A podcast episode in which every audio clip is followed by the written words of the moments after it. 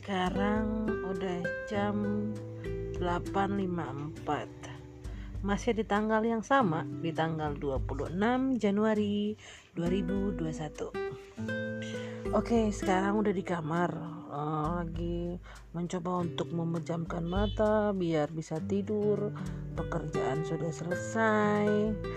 Apalagi ya, terus tadinya mau nonton film Korea Cuman kayaknya harus istirahat deh jadi ya harus memaksakan diri lah untuk istirahat karena badan juga butuh waktu untuk istirahat.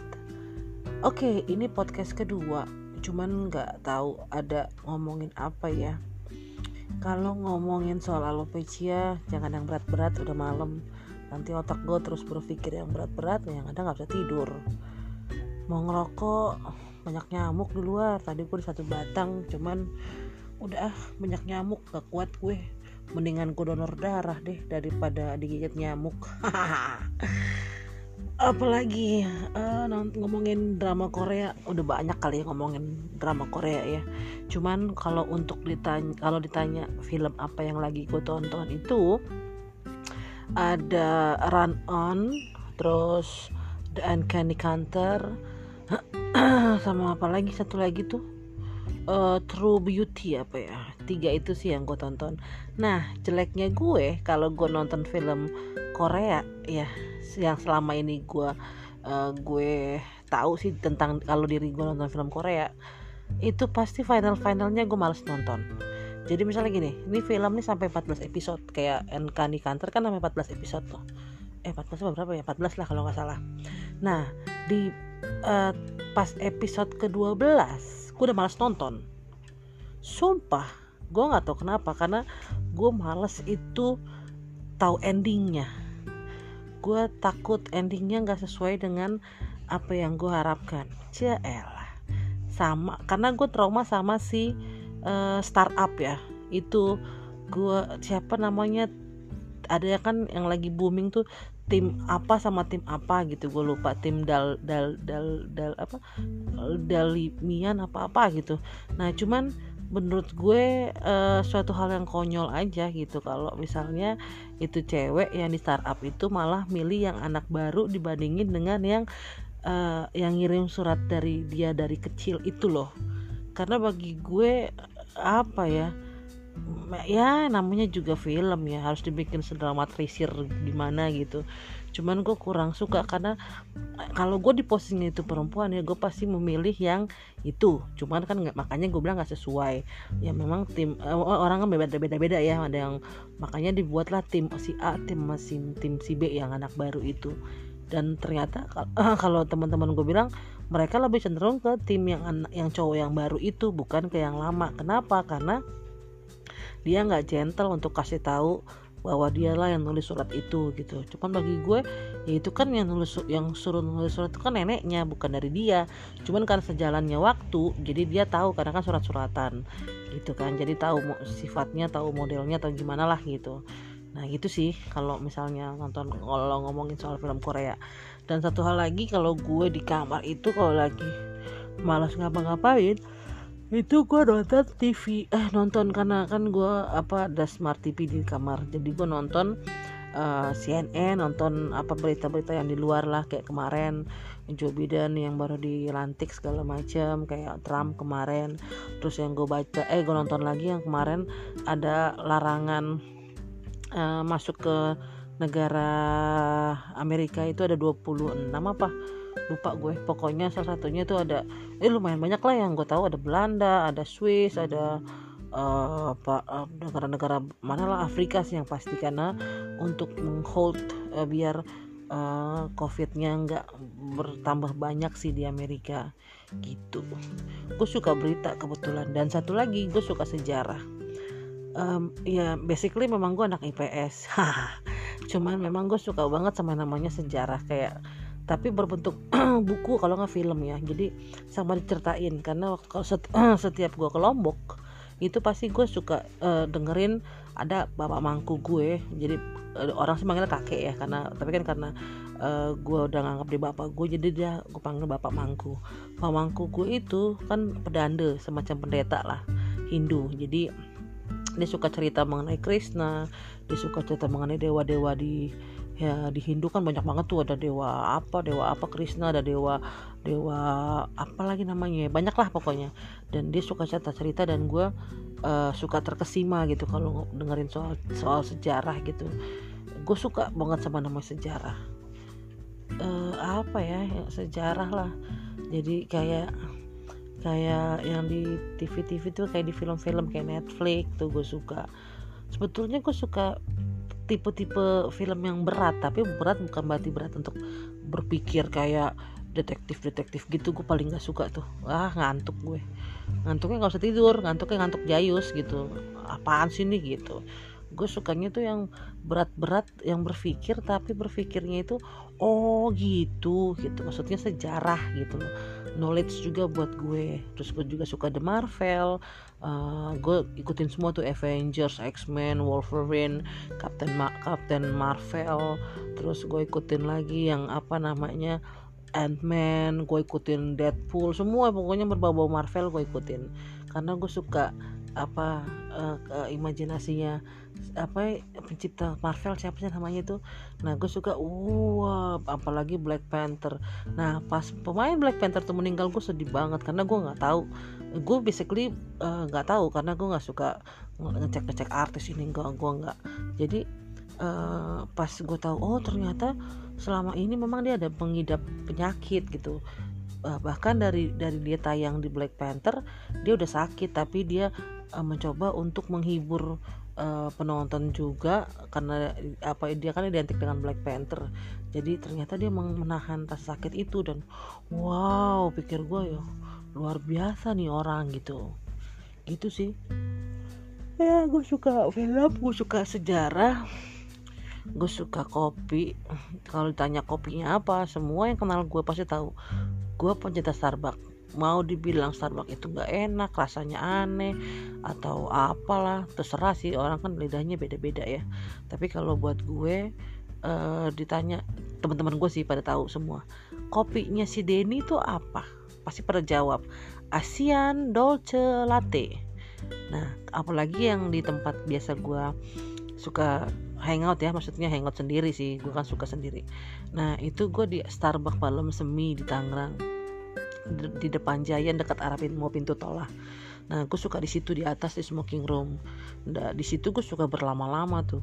Tau nggak lo? Maksud eh, tau nggak lo? Gue jadi kalau misalnya gue mau pahe atau paket hemat di Starbucks dengan nongkrong berjam-jam gitu kan. Walaupun memang ada wifi tapi kan ngapain toh?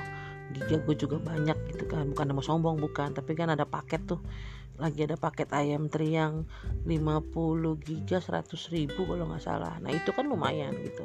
Nah jadi gue bisa berlama-lama di smoking room di atas di di Starbucks malam semi. Dengan cara apa tau nggak? Jadi kan gue punya tumbler Starbucks tuh. Nah tumbler Starbucksnya dari rumah udah gue isi es batu.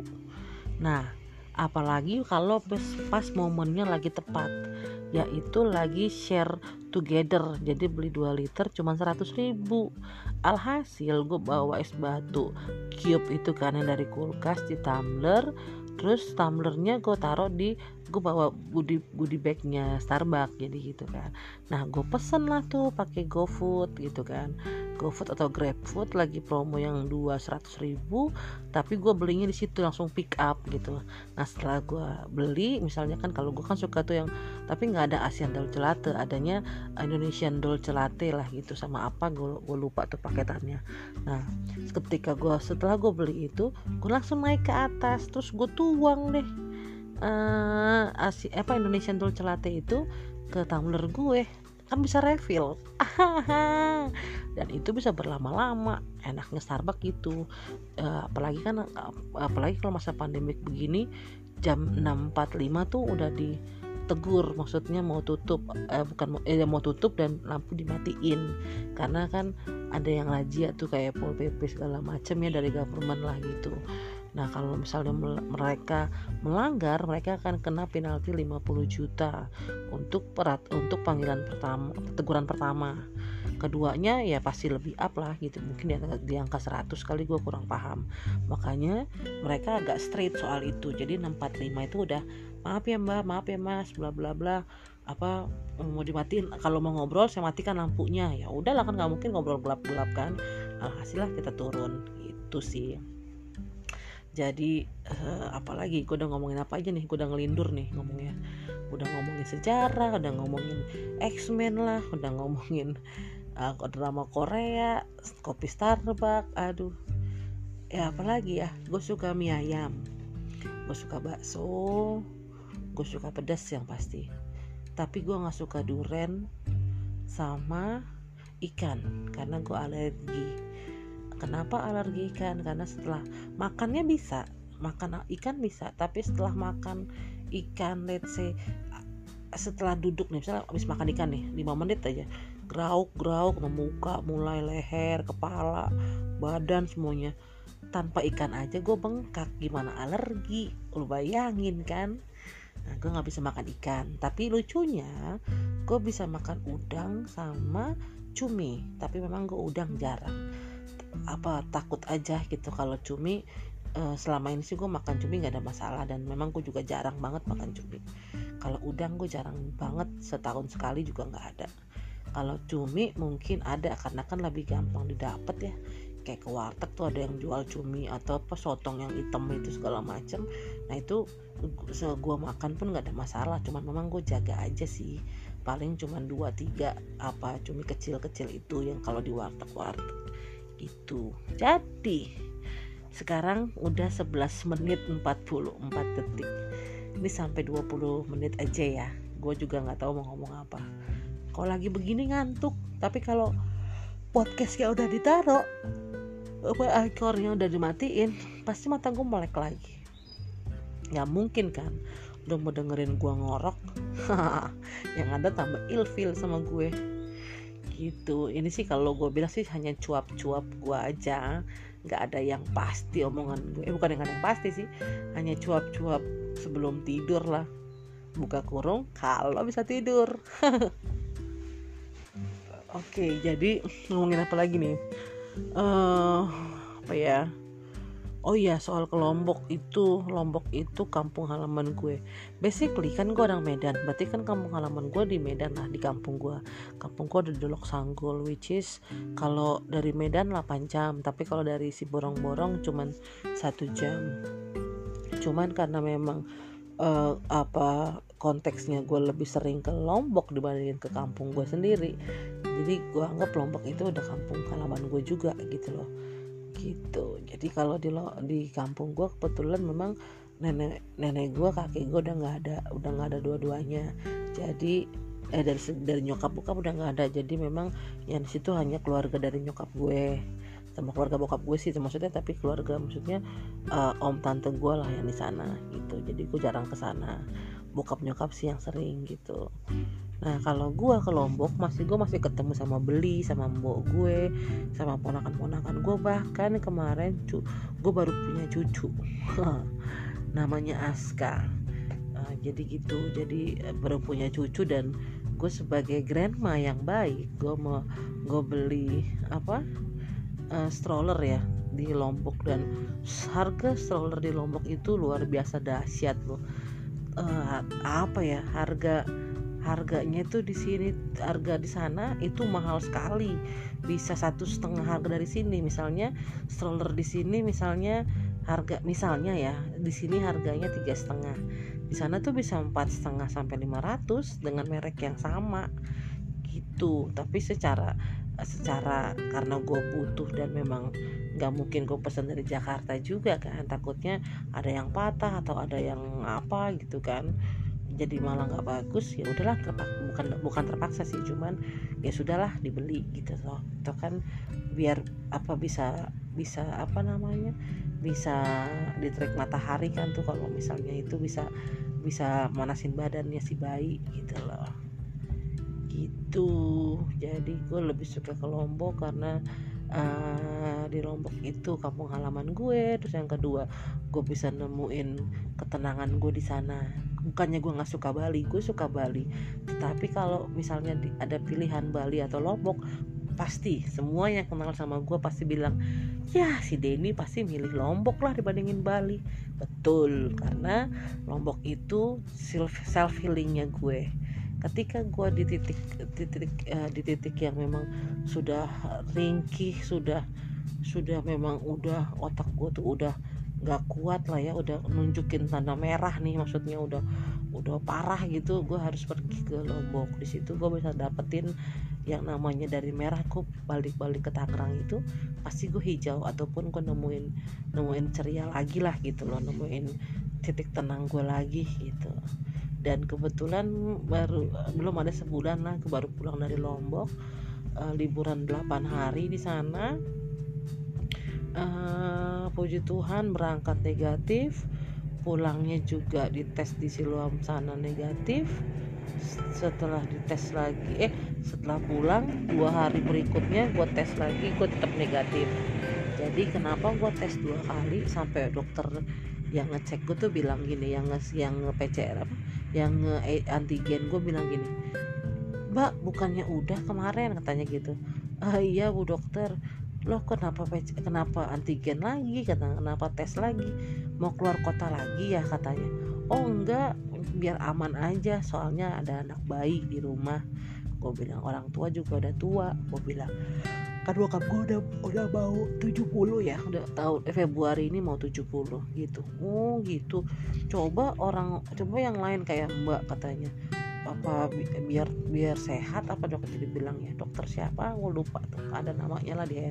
Karena kan gue foto ya. Jadi kalau di Siluam Tangerang ini dia tuh hanya dapetin kertas dan uh, yang garis-garis satunya itu nggak dikasih tapi hanya dikasih lihat untuk difoto. Jadi yang C ataupun garis duanya tuh gitu. Nah uh, apalagi puji Tuhan gue negatif uh, pulang pergi negatif dua hari tesnya lagi negatif. Jadi bener-bener gue completely gue memang jaga kesehatan dan di Lombok juga jujur di situ zona hijau. Gue seneng banget ya. Memang ada zona merahnya tapi di kotanya nah ini kan gue di Lomboknya tapi di dekat pantai. Secara pantai tersendiri kan orang pada berjemur. Orang-orang kampung sana bener-bener surfing berjemur pokoknya. Bercocok tanam lah ada yang bertani ada yang berkebun dan apa yang miara sapi babi uh, apalagi uh, apa namanya uh, apa namanya yang semacam bebek itu semacam kalkun. Uh bayangin ya lo? Sapi babi uh, iyalah itulah. Ayam bebek kalkun. Makanya di situ bener-bener apa ya di kampung gue itu enak lah tempatnya. Gue suka banget. Di situlah tempat gue menyembunyikan diri gue dari kepenatan. Dan gue pulang dengan yang dengan dengan bawa aura yang positif lah gitu gue tenang segala macam nggak ada nggak ada pikiran aneh-aneh. Gitu so far so good lah. Gitu. Gitu. Kenapa gue suka banget sama lombok? Gitu deh. Nah kalau soal ngerokok gue ngerokok dari SMP seperti yang gue bilang di podcast podcast gue yang pertama. Gue ngerokok dari SMP itu Marlboro Light putih ya ya Marlboro Light putih. Rokok pertama gue jadi mohon maaf nih rokok gue dari dulu nggak pernah beli ketengan karena Marlboro dulu nggak ada ketengan. Sombong boleh kali. Nah jadi uh, eh, SMP gue ada Marlboro putih terus ketika SMA gue ada job-job dikit uh, sempat pindah ke Marlboro merah tapi cuman berapa setahun kali gue pindah balik lagi lah gue ke Marlboro putih. Terus ketika gue SMA uh, ber, karena teman-teman pada su, apa sampurna mile ya ya gue jadi sampurna mile itu terus ketika gue kuliah ya itulah antara Marlboro sampurna mile gitu. Dan ketika gue kerja di Lombok untuk mendapatkan sampurna sampurna mile itu susah sekali. Di situ mereka hanya eh di situ mereka banyak banyak yang jual di apa kelas mile. Nggak ada rokok lain selain kelas mile di sana. Akhirnya selama gue kerja di Lombok waktu itu tahun 2000 berapa ya gue kerja di Lombok? Tahun 2000 ya bener 2000 lah. Setelah pas gue kerja di Lombok alhasil rokok gue di situ berubah menjadi last mile gitu. Jadi sebenarnya sih kalau gue sih intinya rokok putih lah mungkin gue bisa berhenti ngerokok asalkan uh, semua rokok di Indonesia ini adalah rokok Samsu, super, filter, apalagi tuh yang aneh-aneh. Nah itu gue mungkin bisa bisa ngerokok, bisa berhenti. Karena uh, semiskin miskinnya gue kalau hanya ada rokok itu nggak bakal mau gue ngerokok itu. Gitu. Jadi kemungkinan besar sih gue masih bisa berhenti sebetulnya. Gitu ya begitulah kira-kira. Oh iya ada yang nanya Kak Deni apa ada yang nanya nih? Kak Deni emang apa kayak yang digambar ya gendut katanya gitu. Terus di sini aja gue balas ya karena gak usah DM DM lah di sini aja. Iya emang gue gemuk. Jadi gue sempat di 95 sempat di 95 nggak pernah sampai 100 kok. 95 paling tinggi. Nah kemarin kemarin eh, di berapa sebulan apa dua bulan yang lalu ya gue sempat di di 95 di 85 sempat di 85 tapi karena kemarin di Lombok gue ada 8 hari makan babi makan pokoknya oh disajiin deh sama mbok gue tuh mbok gue yang paling baik tuh. Apa pagi udah ada sarapan nasi kayak nasi jinggo Jogja gitu nasi kuning nasi puncung lah gitu pagi-pagi dari sediain makan siang sate habis wah pokoknya gila deh pokoknya. Dan naiklah gue 5 kilo. Posisi gue saat ini adalah 90 kilo. Wadidaw. Gila gak ya itulah makanya gue harus ngurangin sih. Cuman lagi copit begini temen gue yang dokter udah bilang maksudnya udahlah nggak usah diet diet lagi begini.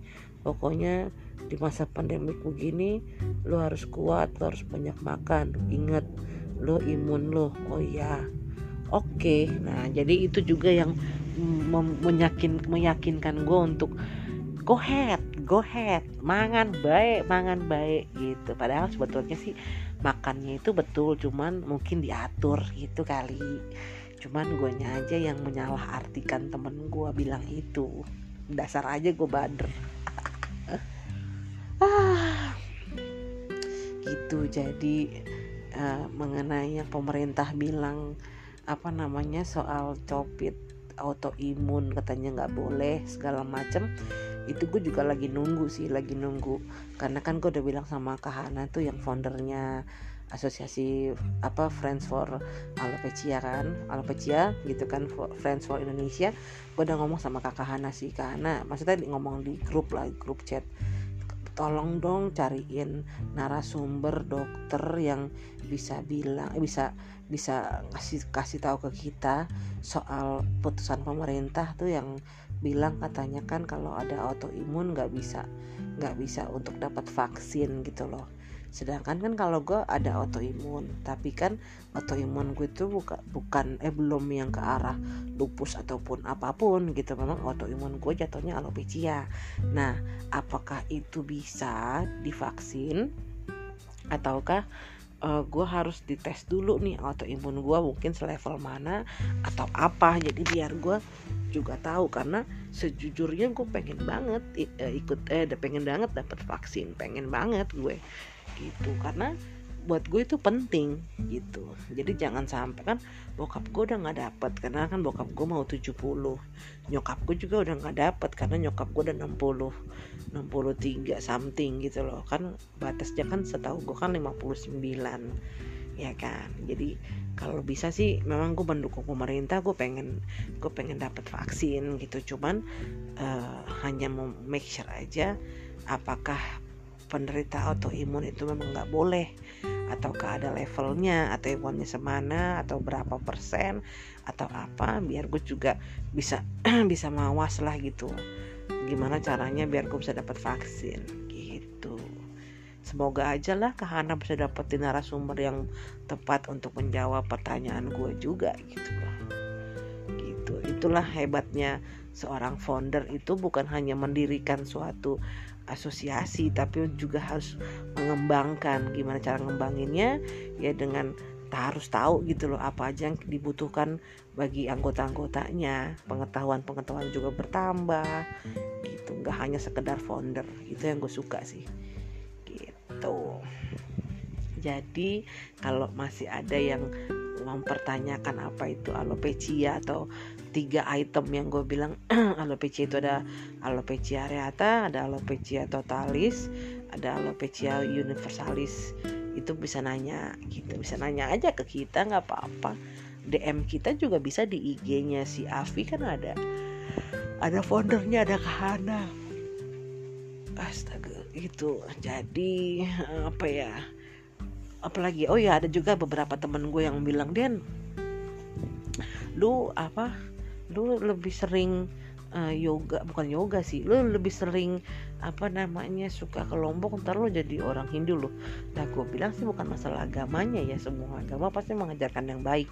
Cuman kalau gue kenapa gue kenapa gue suka maksudnya bukan menyukai secara secara gue mengikuti ritual bukan.